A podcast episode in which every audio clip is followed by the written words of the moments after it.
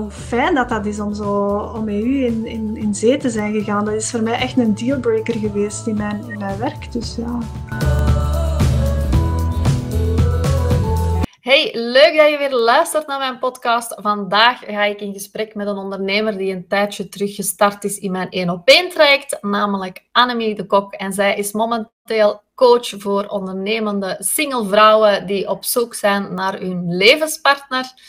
En ik ga haar zelf zo meteen aan het woord laten, maar wij gaan het hebben over hoe zij losgekomen is eigenlijk vanaf uurtje factuurtje. Business, grotendeels dan toch, hoe ze dat heeft losgelaten en helemaal omgekeerd heeft naar een business die beter bij haar past, omdat zij een ander leven voor zichzelf zag namelijk het verkopen van waardetrajecten, op een heel andere manier dan zij gewoon was, wat dit mij deed, hoe dat ze dit gedaan heeft en waarom. Maar we gaan ook dieper induiken in haar business, want wat zij doet is natuurlijk ook heel interessant voor heel veel single ondernemende vrouwen. Dus daar gaan we het ook eventjes over hebben. Hey Annemie, superleuk dat je hier bent. Hallo Sophie, dankjewel voor de uitnodiging. Heel graag gedaan. Ik stel voor dat we even beginnen bij jouw verhaal. Eigenlijk het verhaal of de situatie waarin dat jij zat voordat je bij mij terecht kwam. Hoe was dat, zowel zakelijk als privé? Kan je daar kort iets over vertellen? Zeker. Ik ben in 97 afgestudeerd als kinesiste. Um, en ik ben ja, ik, mij onmiddellijk gespecialiseerd in alles wat stressklachten waren. Ik heb dat ook 25 jaar gedaan. Maar ja, ik merkte dat, dat ik niet de juiste voldoening niet meer had van mijn werk. Ik heb dat heel graag gedaan. Ik heb dat ook vol overtuiging gedaan. Maar natuurlijk, je ziet patiënten um, telkens voor een uur. En er zijn maar uren in de dag dat er zijn. Je kan geen uren bijcreëren. Dus ik zat op een bepaald moment echt aan mijn plafond. Daarbij kwam ook nog dat ik als kinesiste afhang van het RISIF wij zijn beperkt in het aantal patiënten dat wij mogen zien. Uh, en dat is puur omdat er een terugbetaling is voorzien, wat heel goed is voor de patiënt. Maar als ondernemer geraak je daar aan een plafond. Ik zat ook in een niche die dat niet toeliet om tegelijkertijd verschillende patiënten te behandelen, wat sommige kine-collega's wel kunnen. En ik voelde dat mij dat begon te draineren, dat ik daar heel uitgeput van werd. En ik wou het over een andere boeg gooien. En zo is het ontstaan. Door mijn coachingopleiding dan te volgen in 2014 is dat beginnen groeien in mij. Het verlangen van meer mensen te willen helpen, van daar ook dezelfde of minstens dezelfde voldoening over te hebben. Um, maar ja, ik zat met die beperkingen van zowel het RISIF als van uh, de uren per dag die er zijn. En ik heb daar heel lang mee gestruggeld, moet ik zeggen. Dat was voor mij een, een hele moeilijke om daar een andere optie in te zien. Maar ik heb het wel, ik heb het wel gedaan.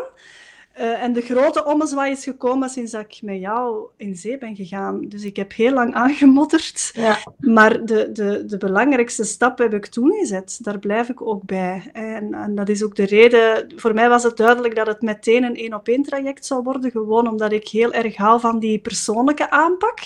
Dat het ook heel erg toegespitst was op mijn leven en mijn zaak. En uh, ja, dat is voor mij de ommekeer geweest. Ja, en wat heeft jou echt de ogen doen openen van oké, zo kan het echt niet meer? Ben je dan echt op iets gebotst? Of had je zoiets van, ja, ik wil eigenlijk een heel ander leven? Of wat heeft jou echt die stap laten nemen om het anders aan te gaan pakken?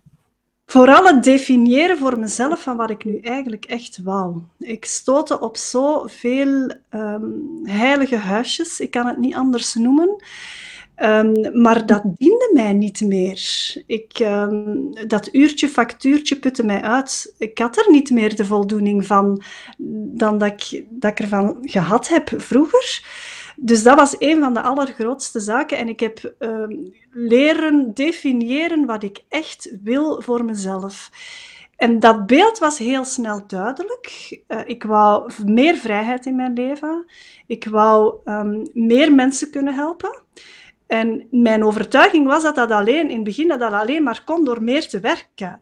En daar heb ik een enorme shift moeten maken. Maar ik stootte echt tegen uh, een aantal overtuigingen. Maar het is pas beginnen keren toen ik voor mezelf begon te definiëren wat ik eigenlijk echt wou in het leven.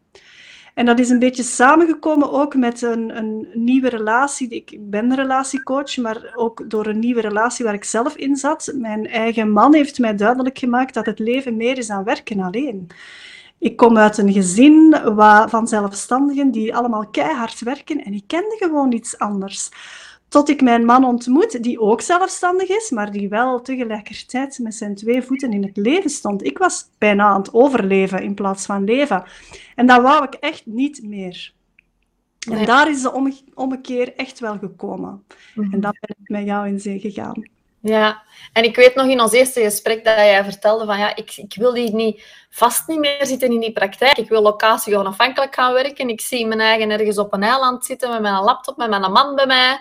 En echt zo van daaruit kunnen gaan werken. Maar je zei ook wel van, ik moet eerst wel zien dat het mogelijk is, voordat ik dit allemaal durf loslaten.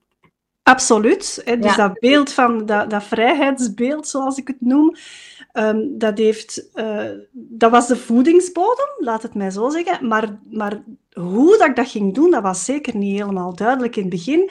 En voor mij kon het alleen maar gaan door iets op te bouwen, waardoor ik iets anders kan afbouwen. I need to pay my bills, punt. Dus ik, ik heb ook die verantwoordelijkheid in het leven. En dat zag ik in het begin niet zo goed hoe dat ik dat moest doen. En daar stoot ik enorm op. Hè. Dus, maar inderdaad, dat beeld van het leven dat ik wou, dat heeft mij wel blijven motiveren om eraan te werken, om los te komen van dat uurtje factuurtje en om mijn dromen te beginnen verwezenlijken. En inderdaad, ik zie mezelf locatie onafhankelijk werken binnen dit en afzienbare tijd. Ja. Absoluut. Ja. ja. Zeg, is dat hoe jij dat gedaan hebt mentaal gezien? Of heb jij nog iets anders mentaal gezien gedaan om echt los te kunnen komen. En, want ondertussen heb je ook al een aantal klanten hè, vaarwel gezegd in je praktijk, omdat je dat andere een beetje ziet groeien nu. En ehm, vaak hoor ik van heel veel ondernemers die zoiets hebben van ja, maar uh, ik heb het er moeilijk mee en telkens terug gaan rekenen van vroeger werkte ik uurtje factuurtjes, als ik nu een aanbod ga verkopen, dan mag dat maar maximaal die prijs zijn, want die rekenen dan terug naar het aantal uren dat zij er zelf hebben ingestoken. En zo houden jezelf natuurlijk ook heel klein. Hè? ja. Ehm, ik heb out of the box moeten leren denken. Mhm. Dus, dus de, het verlangen van het leven dat ik wou, was misschien het fundament of de eerste stap. Ehm, maar dan inderdaad anders leren denken over hoe dat mogelijk is dat is voor mij wel een, een, een heel... Dat is geen stap geweest, dat is een proces geweest. Mhm. Dat is niet van vandaag op morgen gekomen. En ik geef toe dat ik daar nog soms in, in die valkuil trap van inderdaad te gaan rekenen, uh, ga ik er wel komen en is het wel genoeg? En kan ik dat wel vragen? Kan ik daar wel deze prijs op plakken. Mhm. Dat blijft een, een, ik voel dat dat een oud patroon is waar ik nog altijd tegen blijf uh, vechten. En ik moet daar precies ik moet daar nog altijd wat doen, daartegen mhm. vechten. Maar langs de andere kant is dat wel de enige weg dat ik mijn, mijn vrijheid ga terugwinnen. Dat ik ga het leven echt kunnen creëren wat ik wil. Dus die stap dat is zeker meer geweest dan alleen die, die, dat leven beginnen creëren of daarvan dromen en dan daar, daar een andere mindset over krijgen. Ik vind het allerbelangrijkste voor mij is actie nemen. Is het gewoon gaan doen. Ik heb te lang daar niks mee gedaan. Dat is te lang dat dat een droom is geweest. Dat dat zoiets was van, oh ja, er zijn veel vrouwen die dat, of ondernemers moet ik zeggen, die dat kunnen, maar ik niet. Ik heb niet de juiste mindset of ik, uh, ik durf niet goed. En het is door effectief actie te gaan ondernemen, door dat programma te beginnen, want ik heb eigenlijk mijn programma beginnen verkopen nog voordat ik het had. Dat was ondenkbaar ja, tot ik met jou in zee ben gegaan. Dus, maar het zijn wel dat soort stappen dat mij vertrouwen hebben gegeven. Dat, dat mij hebben doen geloven, ja, dat gaat lukken. Ja. En ja, het gaat lukken, punt. Ja, de start before you're ready methode. Hè? Want jij was er helemaal ja. klaar voor. Vind ik altijd zo grappig. Hè? Uh, maar dat is wel een hele belangrijke. Ik, ik, wil er ook echt voor staan, omdat het zou alleen maar zonde zijn moesten zes maanden gaan werken aan dat programma en het uiteindelijk niet verkopen. Want ik herinner mij, na je eerste lancering, je eerste masterclass, heb je een omzet van 7700 euro eruit gehaald. En ik denk dat dat de eerste eye-opener was van oké, zo kan het ook. Of begrijp ik dat verkeerd? Absoluut. Hè. Dus je moet weten, en, en nu geef ik een blik in mijn financiën een beetje, maar uh, die 7700 euro, dat was bijna mijn maandloon, hè, waar ik elke dag patiënten voor moest zien. Dus ja, dat was een gigantische eye-opener. Dat dat überhaupt kon door, ik heb toen die eerste reeks drie masterclasses te geven ja, dat was voor mij ondenkbaar. Dus absoluut, daar heb je zeker gelijk in dat dat een enorme eye-opener was. Ja. Zeg, en kan je wel wat weer vertellen over het aanbod dat je nu hebt? Hè? Want je hebt dan een masterclass gegeven. Uh, misschien moeten we het even eerst hebben over wat jij nu juist doet. Hè? Want er is een hele omschakeling geweest. Jij bent niet hetzelfde soort therapeut nu online als dat je vroeger was. Hè? Je was eerst relaxatietherapeut en nu ben je eigenlijk coach voor single ondernemende vrouwen die echt uh, een levenspartner zoeken. En uh, wat is daar het grootste verschil tussen uh, in aanbod? Kan je dat een beetje uitleggen? Het aanbod dat ik nu doe is in, in, ja, in heel weinig te vergelijken met het aanbod dat ik vroeger had als, als kinesiste. Uh, het is door mijn coachingopleiding te volgen dat dat verlangen is ontstaan om echt met dat coachen ook iets te gaan doen. En dat staat volledig los van mijn kinewerk, alhoewel dat ik ook heel erg in mijn huidig programma met uh, meditatietechnieken werk. En dat is dan misschien wel iets wat ik nog meegenomen heb vanuit mijn uh, vorige job, omdat ik dat toen ook wel deed. Maar het is eigenlijk ontstaan een stuk vanuit mijn eigen verhaal.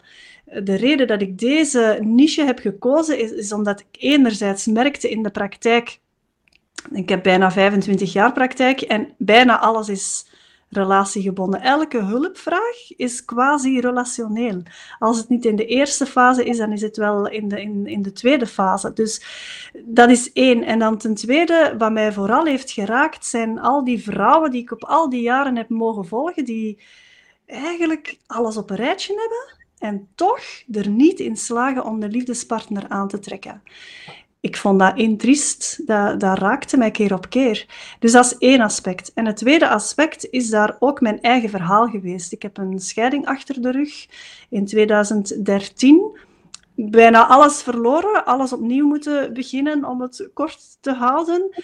Ehm, therapie moeten volgen, of met veel plezier therapie gevolgd, want ik had dat heel hard nodig in die periode mijn coachingopleiding ook gevolgd. En ik, ja, de combinatie was ongelooflijk wat dat voor mij gedaan heeft. En toen is het zaadje wel geplant van ik wil mensen gaan helpen door te coachen. En ik wil die vrouwen gaan helpen die in hetzelfde schuitje zitten als mij. En dan in, ja, ik heb al mijn technieken, zal ik maar zeggen, toegepast. En ik heb een, een man aangetrokken, mijn huidige partner aangetrokken. En dat is een relatie die niet te vergelijken is met mijn vorige relaties. En ik ben ervan overtuigd dat ik dat zelf gecreëerd heb. Wat is het grootste verschil tussen uw relatie nu en uw vorige relatie? De, de emotionele beschikbaarheid van mijn man. Uh, het aanwezig zijn in de relatie uh, elke dag voor elkaar kunnen kiezen, kunnen thuiskomen bij iemand. Uh, vroeger hield ja, ik, ik hing enorm vast aan mijn huis waar ik in woonde. Nu, nu zijn stenen niet meer zo belangrijk voor mij. Maar de persoon die ik graag zie, dat is mijn thuis geworden. Mhm. En dus het is een relatie die een enorm veel eh, aspecten verschilt met de vorige relaties die ik ooit gehad heb. En ik had nogthans een heel mooi voorbeeld van mijn ouders. Ik heb, eh, een ik heb ouders die echt een hele mooie relatie hebben. Maar, maar de, de weerbaarheid om om te gaan met tegenslag of met um, ja, wat het echt betekent om een goede relatie te hebben, dat, dat, dat leer je niet. Het is niet omdat je een voorbeeld hebt dat je weet hoe dat moet. Uh, want je maakt je eigen verhaal mee, je maakt je eigen dingen mee. Je hebt, je hebt de, de pech in je leven. Ik, ik, heb, uh, ik, ik, heb geen kinderen. En dat is, dat is ook zoiets waar je mee moet leren omgaan. En dat leren nu ouders niet. Ze, geven mij, ze hebben mij een voorbeeld gegeven, maar ik heb er nooit bij stilgestaan om hen te vragen hoe heb je dat nu eigenlijk gedaan? En ik denk ook niet dat zij zich daar zo bewust van zijn, omdat zij het resultaat zijn van hun tijd. dat is een ander tijdperk. En ik geloof nu dat je dat kunt leren. Je kunt leren hoe dat je een duurzame relatie moet opbouwen. Je kunt leren hoe dat je een emotioneel beschikbare man herkent. En dat is waar mijn programma over gaat. Ja. Dat wat ik eigenlijk zo hard gemist heb in mijn vorige relaties, kan ik nu toepassen, waardoor dat ik ook de, de kwaliteit van mijn huidige relatie, dat is uh, beyond uh, alles wat ik ooit van gedroomd Mhm. en, en ik zei vroeger wel eens van, goh, mijn vorige man, hè, dat was dan de man van mijn dromen, zag er heel goed uit, mijn huidige partner ook. Maar uh, ja, dat was zo, ik was een enorme pleaser in die relatie. Ik deed alles in functie van hem. En nu heb ik de man van mijn leven. En ik leef echt. Dat is een heel groot verschil. Ik leef in deze relatie. En dat is iets anders dan een droom najagen, waarbij dat je leidend voorwerp bent. Want zo was het eigenlijk in mijn vorige relatie. Dus dat is een heel groot verschil. Ja, uh, en ik krijg altijd kippenvel als ik het u hoor vertellen. We hebben natuurlijk al meerdere gesprekken daarover gehad. En, en, maar toch, elke keer als je dat vertelt, dan denk ik, ja, supermooi. Ook supermooi voorbeeld dat jullie zijn. En ik denk eigenlijk dat heel wat ondernemende vrouwen, ja, die hebben het ook gewoon moeilijk om een partner aan te trekken. En naar mijn mening, als ik nu even gewoon kijk naar mezelf, hè, en in mijn relaties, of mijn voorgaande relaties, was dat altijd een probleem. Het feit dat ik en meer verdiende, succesvol was, veel aandacht moest hebben voor mijn bedrijf. Uh, hadden zij het er heel moeilijk mee om een of andere reden om daarmee om te gaan. Is dat iets wat jij ook merkt bij jouw klanten, dat, dat zij vaak dat soort mannen aantrekken? Of dat, dat er heel weinig mannen gewoon zijn die daarmee om kunnen? Of is dat gewoon echt een idee dat volledig uit de lucht gegrepen is en zijn dat dan de verkeerde mannen? Of hoe moet ik dat zien? Ik zie, het is zeker herkenbaar. Er zijn heel veel vrouwen, heel veel van mijn klanten die dat uh, vertellen. Um, maar mijn, mijn antwoord daar stevast op is, voor de, voor de juiste man is dat ongelooflijk sexy en aantrekkelijk. En dus is het dan de, de man die daar moeite mee heeft, is gewoon op die moment niet uw juiste man. Zo zie ik het. Hè. Dus uh, de, de, de, de juiste man heeft geen enkel probleem met het feit dat je als ondernemende vrouw meer verdient, of dat je ja, bepaalde dromen nastreeft, of dat je totaal niet. Voor de juiste man is dat ongelooflijk aantrekkelijk. Dus, want wat is dat, de juiste man? Dat is, dat is de man die perfect in uw leven past en die u laat zijn wie je bent. Een van de zaken waar ik enorm op druk in mijn programma is dat je, als je een duurzame relatie wilt opbouwen, dan ga je de beste versie van elkaar naar boven moeten halen. Wat zie ik bij heel veel relaties? Dat ze tegenovergestelde doen. Ze houden elkaar klein. En dat is gewoon nefast. Daar kan je geen duurzaamheid mee opbouwen. Dus ja, maar voor de juiste partner is dat geen enkel probleem. En is dat juist heel aantrekkelijk. Ja. En wat denk je dat het grootste probleem is bij, bij het vinden van, eh, van een goede levenspartner voor jouw ideale klanten? Het verhaal dat ze zichzelf vertellen voor wat er mogelijk is voor hen. Uh, te veel vrouwen blijven hangen in het feit: ik ben te krachtig, ik ben te zelfstandig, ik ben mijn lat ligt te hoog. Um, dat soort verhalen waar ze echt zelf in zijn gaan geloven. En soms is het ook de omgeving die daar wat. Uh, ja, een schepje bovenop doet. Hè. Uh, je bent er nog niet klaar voor, je bent te moeilijk, je mocht zoveel eisend niet zijn. En dan ga je om een duur ga je dat geloven. En als ze dat verhaal voor zichzelf terug kunnen veranderen, en ze kunnen het niet alleen gaan herfraseren in hun hoofd, maar ze gaan het ook voelen, dat het echt mogelijk is voor hen, dan zijn ze al een enorme stap vooruit. Maar het verhaal dat je, dat je zelf vertelt, is zo belangrijk om te creëren voor dat wat je eigenlijk wilt en dat wat je verdient in je leven. Geloof jij er dan ook in dat als je dat verhaal verandert, dat je dat gaat aantrekken? Of is het meer van, oké, ik verander dat verhaal en nu moet ik bepaalde stappen zetten die feitelijk bewezen zijn om aan een goede partner te geraken? Eh, het is iets van de twee. Je kan uh, je gaat inderdaad uh, een, een, een, soort um, uitleiding moeten doen van jouw verlangen dat je hebt, enerzijds, en um, het verhaal dat je jezelf vertelt. Je gaat het moeten voelen, dat is het eerste. Het tweede is dat je daar wel de juiste actie voor moet zetten, want ik ben bijvoorbeeld iemand die enorm in meditatie gelooft. Ik gebruik dat ook. Ik mediteer zelf dagelijks. Maar het is niet genoeg om te mediteren en uh, te creëren in jouw hoofd dat wat je zo graag wilt en dan gewoon te wachten. Dat werkt zo niet. De juiste actie zetten is fundamenteel. Dat is misschien zelfs nog iets belangrijker. Maar tegelijkertijd gaat dat niet alleen gaan. Je kan niet alleen maar actie zetten en niet geloven in de actie die gaat zetten. Of in het hogere doel, dat die, dat, uh, ja, dat die acties die je zet dient. Dus het is iets van de twee. Het een kan niet zonder het ander. Maar ja, je trekt aan wat je uitstraalt, maar niet zonder dat je daar de juiste actie tegenover zet. Ja, net zoals in business eigenlijk. Absoluut. Ja. Absoluut. Het geloven, maar het dan ook doen. Zeker. Zeg, en ehm, wat zijn dan de eerste stappen die die vrouwen volgens jou concreet moeten zetten? Zo, van, oké, ze beseffen van, het lukt mij niet, ik trek altijd de verkeerde mannen aan, of op dates denk ik al gauw dat de juiste mannen saai zijn. Waar raad jij hen dan aan om te doen in het begin? Um, het is zo dat ik... We vinden het heel normaal om ons in te schrijven voor een cursus als we iets willen leren, hè, als, we, als we een nieuwe hobby willen leren. We vinden het zo normaal om um, in business, om opleidingen te volgen, om daar beter in te worden. Maar als het over de liefde gaat, dan denken we dat dat vanzelf moet gaan. Dus een eerste stap is gewoon um, een hulplijn misschien inschakelen. Als je daar tegenaan blijft stoten, schakel een hulplijn in. Neem een coach onder de arm of volg wat therapie als je nog blijft vastzitten in bepaalde pijn van het verleden. Dat is een hele belangrijke stap.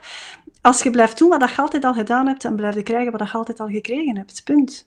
Uh, nu, wat ze concreet kunnen doen voor zichzelf, is eerst dat verhaal veranderen, dat uitlijnen met hun gevoel. Dat is al een serieuze boterham vaak voor heel veel vrouwen.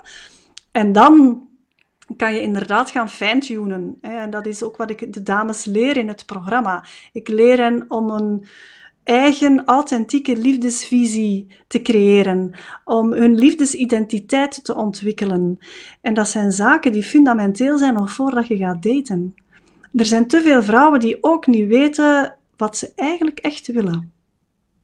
Ja, ze weten wat ze niet willen. Ze weten wat ze niet willen. Ik wil geen man meer die, die er niet is voor mij. Of uh, ik, heb, ik trek altijd narcisten aan of eender wat. Dus ze, ze kunnen heel goed benoemen wat ze niet meer willen, maar ze kunnen niet benoemen wat ze wel willen daar is op de een of, de een of andere manier hun vocabulaire niet rijk genoeg voor. En dat is puur omdat ze niet die ervaring hebben. Uh, nu natuurlijk, je moet niet de ervaring hebben. Je, wij hebben een brein gekregen. Wij kunnen gaan voordenken. Hè. Wij, wij hebben een, ons frontale brein is in staat om te gaan creëren. Om te gaan voordenken over wat we dan wel zouden willen. En je moet je laten inspireren, denk ik. Mensen die je voorbeeld zijn. Je hebt misschien wel vrienden of vriendinnen die een goede relatie hebben. Praat daar eens mee. Van, hoe doen jullie dat? wat is jullie geheim? Uh, los van, van het programma dat ik aanbied. Ik, ik geloof heel sterk in het feit dat je dat wel kan creëren. Dus definiëren wat je wel wil, is zo belangrijk om het mogelijk te maken voor jezelf. Dus dat is een hele concrete eerste stap die ze kunnen zetten. En dan dat, ja, ik zeg het, in mijn programma gaan we echt fine-tunen daarin. Ja. Zodat het heel zuiver wordt. En hoe zuiverder dat dat is, hoe gemakkelijker dat dat op je pad komt. Ik noem dat wel eens, je moet je liefdesradar of je aantrekkingsradar in de juiste richting zetten. En dan zie, zie ik zo'n schotelantenne voor mij, waarbij ja, de, die in de juiste richting wordt gedraaid, waardoor dat jij wat je uitstraalt, dat dat ook terugkomt naar u. Zo werkt het. En dat is ook wat ik in mijn programma onder andere doe. Ja. En um, wat, hoe denk jij over het statement van alle, alle goede mannen zijn bezit? Is dat ook vaak iets wat vrouwen tegen u zeggen? Absoluut. Ik hoor het in de als ik mijn masterclass geef, hoor ik het altijd. Punt. En uh, zeker ook in mijn één op één trajecten hoor ik dat heel vaak, hè, omdat ik daar die mensen ook uh, persoonlijk begeleid. Ik denk dat het de meeste vrouwen met deze overtuiging leven. En is dat dan omdat wij niet goed, uh, ik zeg nu gewoon wij, hè, wij als ondernemende vrouwen, um, het idee hebben van, oké,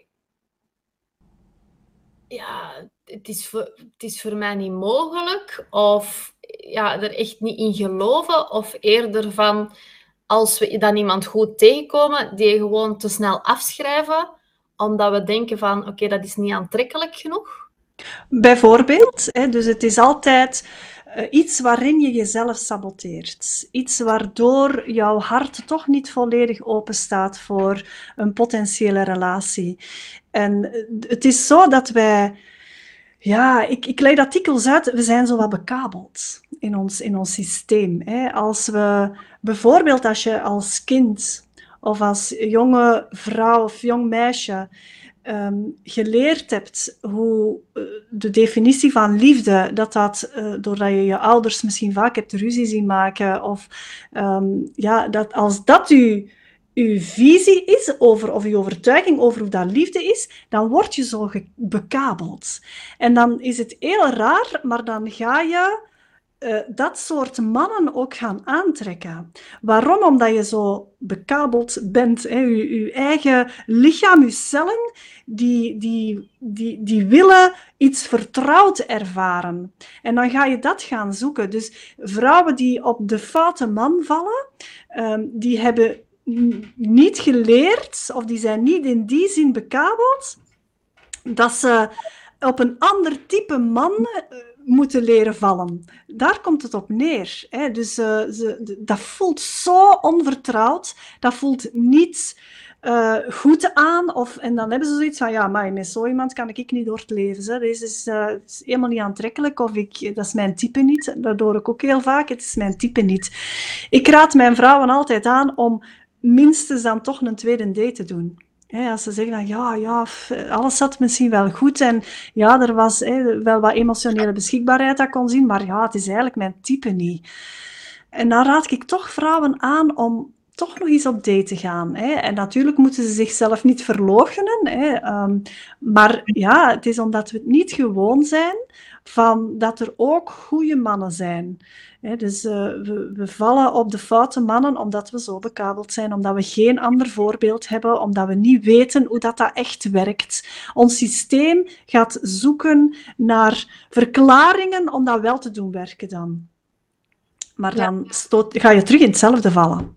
Mm Oké, dus eigenlijk zeg jij um, dat we kunnen leren vallen op de juiste man. Absoluut. Oké. Ja. Absoluut. Ja. En natuurlijk is liefde niet uh, alleen iets dat je creëert. Hè? Um, maar soms moet je wel iets een kans durven geven. Om te kijken wat er wel mogelijk is. Er is iets um, misschien schijnbaar wat gemaakt aan, maar dat is helemaal niets. Hè? Want je kan, je kan echt liefde creëren een stuk. Um, ik geloof enorm in compatibiliteit. Is er, er moet natuurlijk wel een basis aan aantrekkingskracht zijn, sowieso. Um, dat is één. Maar ten tweede, is er genoeg compatibiliteit? Um, als dat er, en ben je ten derde, ben je in staat om vriendschap op te bouwen. En als je die drie elementen hebt, dan is er heel veel mogelijk. Dus natuurlijk moet er een basis aan aantrekkingskracht zijn. Maar dat is niet het enige. Um, als er te weinig compatibiliteit is, dan gaat dat niet lukken. Dan, dan, dan, ja, dan heb je een relatie waar je misschien waar het licht ontvlambaar is en waar er uh, stomende seks aan te pas komt. Maar wat op lange termijn ben je uitgekeken op elkaar. Um, als er geen vriendschap mogelijk is, eh, dan zit je, ja, dus er is misschien wel aantrekking en compatibiliteit, maar er is geen vriendschap, dan ga je moeilijk door moeilijke periodes geraken. Dus dan ga je heel gemakkelijk elkaar verliezen. Dus, en zo heeft elk aspect wel plaats nodig, maar je kan dat absoluut wel leren. Ja, ik denk dat dat voor heel veel vrouwen wel fijn is om te horen. Hè? Want wij gaan ervan uit, denk ik, dat we gewoon maar vallen op iemand of niet. Absoluut. En als we er niet op vallen, hè, bijvoorbeeld een eerste date, of er is niet meteen wauw, mega aantrekking, dan denk ik dat er heel veel vrouwen zijn die dan niet op een date gaan. Omdat Klopt. ze zo hebben van, ja, deze was het echt niet. Hè? Dat was te saai, of dat was, weet ik veel, ik voelde niks. Hè? Maar wat jij dus eigenlijk zegt, is dat je niet per se iets moet voelen, of je niet wauw moet voelen op de eerste date, maar dat dat ook echt kan groeien. Absoluut. Ja, ronduit ja. Dat kan zeker, ja. Oké, okay, supermooi. Wat bedoel jij juist met compatibel zijn? Wil dat dan echt zeggen dat je op dezelfde manier ruzie maakt, op dezelfde manier liefde geeft of reageert op bepaalde situaties? Of bedoel je daar iets anders mee? Compatibiliteit uh, is vooral de manier waarop je over bepaalde dingen denkt in het leven. Eerder naar waardenbepaling toe dan naar um, ja, die kleine zaken die je, die je opnoemt. Je kan, natuurlijk moet je ontdekken hoe je allebei ruzie maakt, maar dat hoeft niet op dezelfde manier te zijn. Je gaat dat wel moeten uitpuren uh, en daarin leren en water in de wijn doen en, en misschien ook wel dat, dat moeten zorgen dat dat wel werkt. Maar dat, is, dat bedoelen we niet met compatibiliteit. Het gaat echt over waarden. Um, dat kan religie zijn bijvoorbeeld. Hè. Dat kan ook uh, bepaalde overtuigingen zijn. Uh, hoe ga je, stel dat je een nieuw samengesteld, gezin hebt, uh, hoe ga je de kinderen opvoeden? Hè? Kan dat overeenkomen? Is het oké dat ik mij als nieuwe, uh, als plusmoeder dat ik mij ook moei met hoe uw kinderen opgevoed worden. Hè. Dat is compatibiliteit. Hè. Dus kan je daar in die diepe waarden van het leven, kan je daarin overeenkomen. Hè. Uw kinderen, als je ruzie maakt over jezelf of over iets in jezelf, dat is nog iets anders dan hoe wil je kinderen opvoeden. Dat zit veel dieper. Dat is veel, ja, dat, dat is veel waardevoller, zal ik maar zeggen. Hè. En dus daar, dat is wat er met compatibiliteit bedoeld wordt. Natuurlijk een ander voorbeeld daarvan is een lange afstandsrelatie. Um, als, het is mogelijk dat daar een, geen compatibiliteit is, omdat je te ver van elkaar woont. En, en voor sommige mensen kan dat wel gaan, maar voor heel veel mensen gaat dat niet. Er gaat één van de twee altijd een toegeving moeten doen en zeggen: Ik verhuis naar waar jij woont of andersom. Um, dus dat zijn voorbeelden van uh, compatibiliteit. Dus het gaat over grotere dingen van het leven, hè, dus de grotere aspecten van het leven, de waarden die je uitdraagt, de normen die je hebt. Ja, dat lijkt mij inderdaad ook veel makkelijker als je een relatie kunt hebben met iemand die daar hetzelfde in staat en dat de basis op zijn minst toch een beetje hetzelfde is. Hè? Ja. Want relaties op zich zijn ook niet altijd makkelijk nee. uh, om, om goed te kunnen onderhouden, denk ik. Nu, wat, wat zijn daar, denkt de, de... Stel nu dat iemand uh, er een vrouw is en die heeft een date gehad met iemand en die heeft zoiets, ja, oké, het is niet helemaal het ding, maar ik ga wel, allez, het is niet helemaal mijn ding of niet helemaal mijn type, maar ik wil het wel een tweede kans geven. Waar moet zij dan vooral op letten? Moet het, is het oké om dan meteen te vragen van, bij wijze van spreken, wat zijn uw waarden en normen en, en dat te gaan testen? Of is het belangrijk dat je het juist heel luchtig houdt en gewoon kijkt naar hoe dat je voelt? Of waar moet het op letten volgens jou? In het datingproces is het heel oké om um, enerzijds niet alles van jouw leven zomaar prijs te geven en inderdaad naar uh, waarden te gaan peilen die in de toekomst belangrijk zijn voor jou. Uh, en hoe ouder je bent, hoe minder compromissen dat je daarin wil sluiten. Het, het, wat we eerder in het gesprek zeiden, als je weet wat je wil en je, je hebt daar een zuiver beeld over, dan kan je redelijk snel uh, dat fine-tunen en gaan afchecken bij elkaar. Ik geloof niet dat dat dan een lijstje moet zijn dat je afloopt. Maar ja, als je bijvoorbeeld op date gaat, uh, tweede, derde date, en je gaat uh, een activiteit doen samen waar je kan gaan wandelen bijvoorbeeld, uh, dan kan er heel, wel, heel veel gepraat worden over dat soort belangrijke aspecten die voor jou prioriteit zijn in een relatie, die, die, die ja, dealbreakers zijn, zal ik maar zeggen, dat je dat gaat aftoetsen. Dat kan zeker. Ik heb een, een, een, een dame en die op denk de tweede date was het al zeer duidelijk wat dat die man wou en verwachtte. En zij kon ook heel sterk benoemen wat zij verwachtte. En dat is heel snel heel goed gegaan, omdat die heel snel die compatibiliteit uh, ontdekte bij elkaar. Maar als je in een pril als je als jongere vrouw, ik denk dan aan twintigers, dan ligt dat anders. Daar, daar is ja, die zijn nog niet zo gericht op ehm, de, de long term, zal ik maar zeggen. Daar gaat het nog over de, wat ze nu kunnen bemachtigen en bekrijgen. Maar hoe ouder je wordt, hoe minder compromissen dat je wilt sluiten. Ja, kan ik me helemaal in vinden. Dus je moogt echt wel eerste, tweede date zeggen van oké, ik verwacht dit of ik heb dit graag. Of echt goed ja. peilen naar wie dat die persoon is, hoe dat die in het leven staat. Er zijn niet echt regels voor van dingen die je dan niet mocht vragen? Toch wel. Hè? Dus uh, je, je, mag in principe alles vragen, maar ik zou een eerste, tweede date compleet vermijden om over al jouw pijn en miserie uit jouw leven te spreken.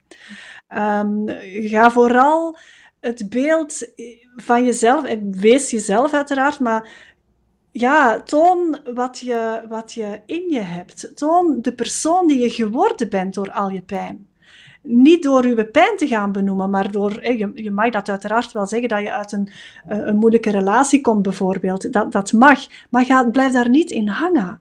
Toon wie je bent geworden door die moeilijke relatie. Toon wat je geleerd hebt. En dat maakt u aantrekkelijk. dan gaan mannen hebben van, damn, dat is een sterke madame zeg. maar dus wat ik mijn dames aanraad, is om niet te snel alle pijn en, en alle beleving daar rond en hoe, hoeveel, hoe lastig dat was, goh, daar moeten we niet naartoe gaan. Daar heeft niemand boodschap aan, die eerste uh, dates. Hè. Dus, maar je mag wel tonen wie je geworden bent, absoluut. Ja, heel mooi dit. Dat denk ik ook. Ja, dat dat veel aantrekkelijker is uiteindelijk. Hè? Als Zeker. Je, ja, als je niet alleen je angsten allemaal al direct vertelt. Hè? Um, nu, nog een laatste vraag. Hoe sta jij tegenover online dating? Is dat iets wat jij stimuleert, motiveert? Of ben jij eerder de coach die zegt van ja, um, nee, probeer het te doen in het dagelijks leven? Of heb je daar niet per se een regel voor? Het is een van de manieren die er bestaan om een man te ontmoeten. Dus ja, ik moedig het wel aan.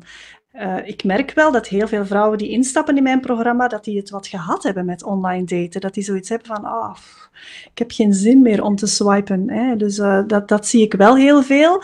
Maar het programma is er zodanig op gericht dat ze er wel terug goesting voor krijgen, omdat ze veel beter weten wat ze kunnen doen en hoe dat ze het moeten aanpakken.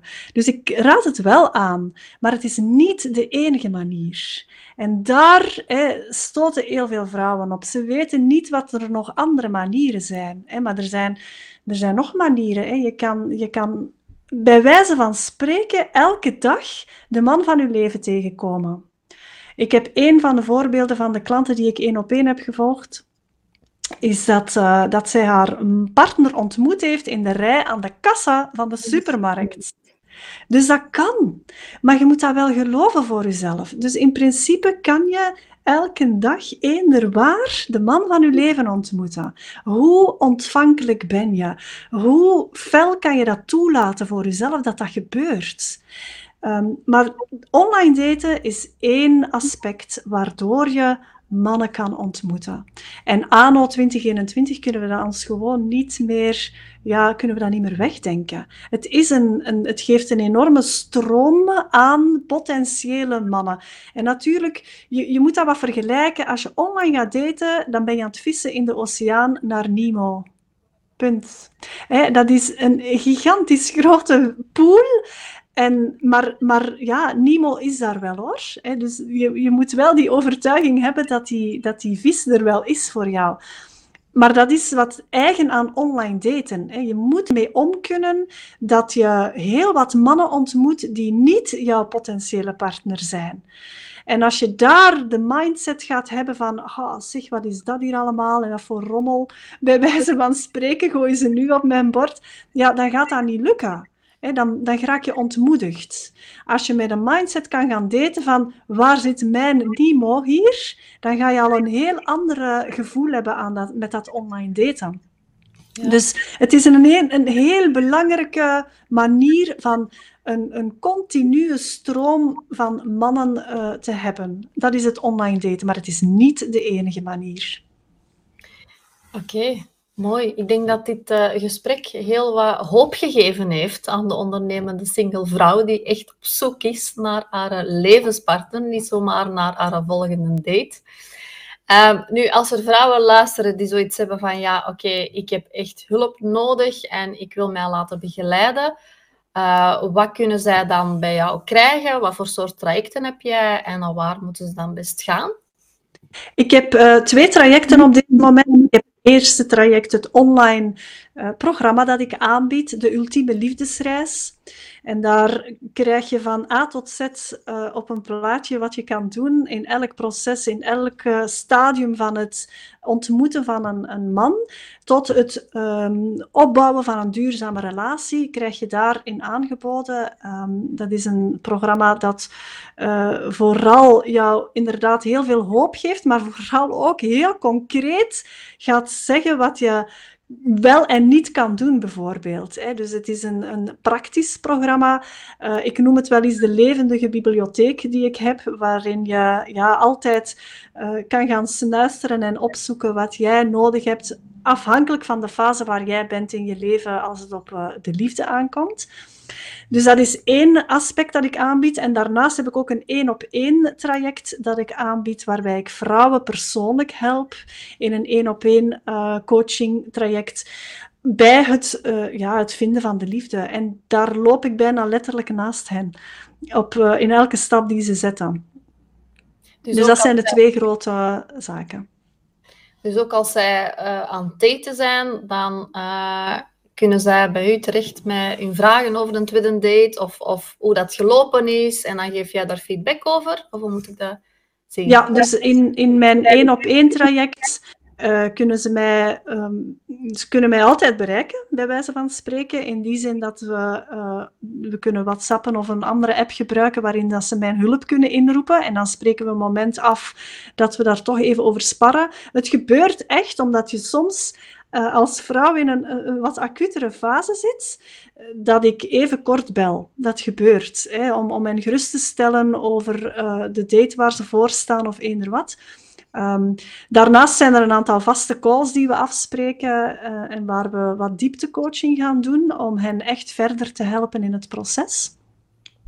Natuurlijk, in de, in er is ook een besloten Facebookgroep. Daar kan je ook steun krijgen van andere vrouwen, bijvoorbeeld. Dus um, dat is er zeker ook wel bij.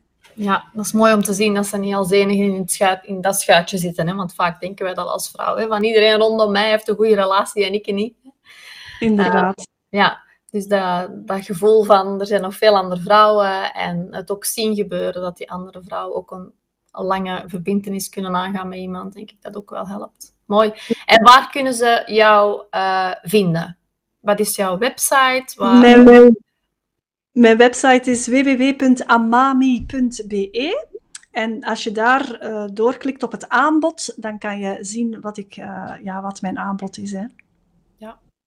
Ik ga ook uh, de link hieronder zetten, onder de podcast in de show notes, zodat je gewoon daar kan klikken als je op zoek bent naar uh, een coach zoals Annemie. Zeker doen dan. Maar je hebt ook een Instagram-kanaal. En wat ik heel tof vind, uh, wat jij doet op Instagram, is dat je elke week een vraag beantwoordt die echt wel de vinger op de zere plek ligt, legt, vind ik. Um, en wat is jouw naam op Instagram? Dat is ook Amami Coaching? Amami Coaching. Inderdaad. Hè, en, en ja, ik, ik wil gewoon de, de vragen die, die mensen hebben over een relatie, ook al zitten ze in een relatie. Hè, dus iedereen mag mij vragen stellen over een relatie. Er zijn verschillende kanalen dat je dat kan doen via mijn link in bio op Instagram, maar je kan mij ook een mailtje sturen bijvoorbeeld. En die vragen die komen binnen en ik pik er daar eentje uit en elke vrijdag beantwoord ik een vraag. Ja. En dat is een heel populaire item op, ehm, op Instagram, inderdaad. Ja, dus zeker daar gaan kijken. Ik vind het zelf heel interessant om te zien. In ieder geval bedankt Annemie om hier vandaag aanwezig te zijn en om uh, wat uitleg te geven over wat je doet. Ik denk dat je daar sowieso nu al heel veel ondernemende single vrouwen mee geholpen hebt. Maar we weten alle twee dat als ze echt geholpen willen worden, dat ze even best gaan kijken op uw eh, website. Uh, dus dankjewel dat je er was. En, Heel graag gedaan. ik zie jou sowieso nog terug. Uh, voor de komende zes maanden gaan wij samen verder. Dus daar ben ik heel blij om. Ja, ik kan het niet genoeg herhalen. Dat, uh, ik heb het denk ik ook wel aangehaald in de, in de podcast nu. Ja, hoe fijn dat dat is om, zo, om met u in, in, in zee te zijn gegaan. Dat is voor mij echt een dealbreaker geweest in mijn, in mijn werk. Dus ja, Bedankt voor het luisteren. Als jij nu zoiets hebt van ja, Sophie, ik wil ook graag één op één door jou begeleid worden, laat me dan gerust iets weten. Stuur mij een e-mailtje naar sophie met een f at businesscoachsophie.be of kijk eens op mijn website naar www.businesscoachsophie.be en ga dan naar aanbod en één op één VIP-traject en daar kan je een aanvraag indienen om uh, een gesprek aan te vragen. En dan gaan we even kijken of dit een traject is voor jou. Anderzijds kan je mij gewoon ook een DM sturen op Instagram als dat makkelijker is. Dat is gewoon Sophie de Blazer. En dan uh, reageer ik daar wel eventjes. In ieder geval, twijfel niet om even contact op te nemen als je zoiets hebt van oké, ik heb een stok achter de deur nodig. Ik heb iemand nodig die mij, met mij samen mijn doelen gaat bepalen. Ik wil meer dan 10.000 euro per maand verdienen als coach. Uh, let me know. Ik help je daar heel graag bij.